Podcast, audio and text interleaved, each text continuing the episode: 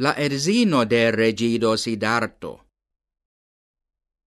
La quin sagiuloi, kiwi cestis la ceremonion doni nomon al regido Sidarto, ne nur antaudiris pri la granda perspectivo de la nova regido, sed ancao attentigis alla regio, ciam via filo vidos malsanulon, maliunulon, mortinton cae monachon, Li ectesiros forlasi la palazzon cae farigi monaco. La regio ege maltranquilligis pro la attentigo. Li timis che lia filo rencontos tiuin quar menciitain cae forlasos la palazzon.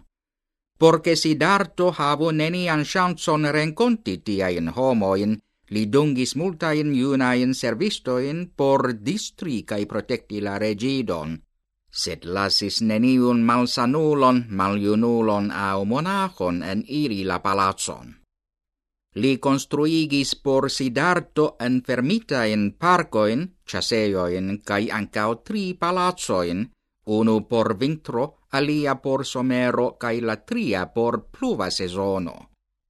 Sidarto vivis en la mondo de abundezzo cae bellezzo, cae ancau ludis an suna mondo de giardenoi cae boscoi, accompagnate de musicistoi cae dancistinoi.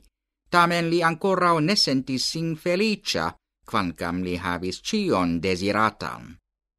Iu tage la regio demandis celcaen sagiuloin, Cion mi faru por gioigi mian filon, shaine li ciam estas deprimita cae malgioia. Ili respondis, Nun via filo jam agias dexes iaroin, cial ne trovi belan knabinon por lia erzigio. La regio consentis cae tui venigis ciuin belain knabinoin de la regno en la palazzon. Post ciam iri ciui alvenis, li ocasigis grandan paradon cae proponis che la regido electu unu el ili ciel sian erzinon.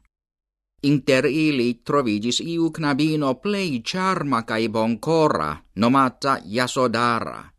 Ciam regido Sidarto presentis al si donatson multe pli valoran ol tiuin alla liai knabinoi, la regio consciis che la regido iam trovis ian amatinon. La regio acceptis Yasodaran cae permessis sian filon erzigi al si.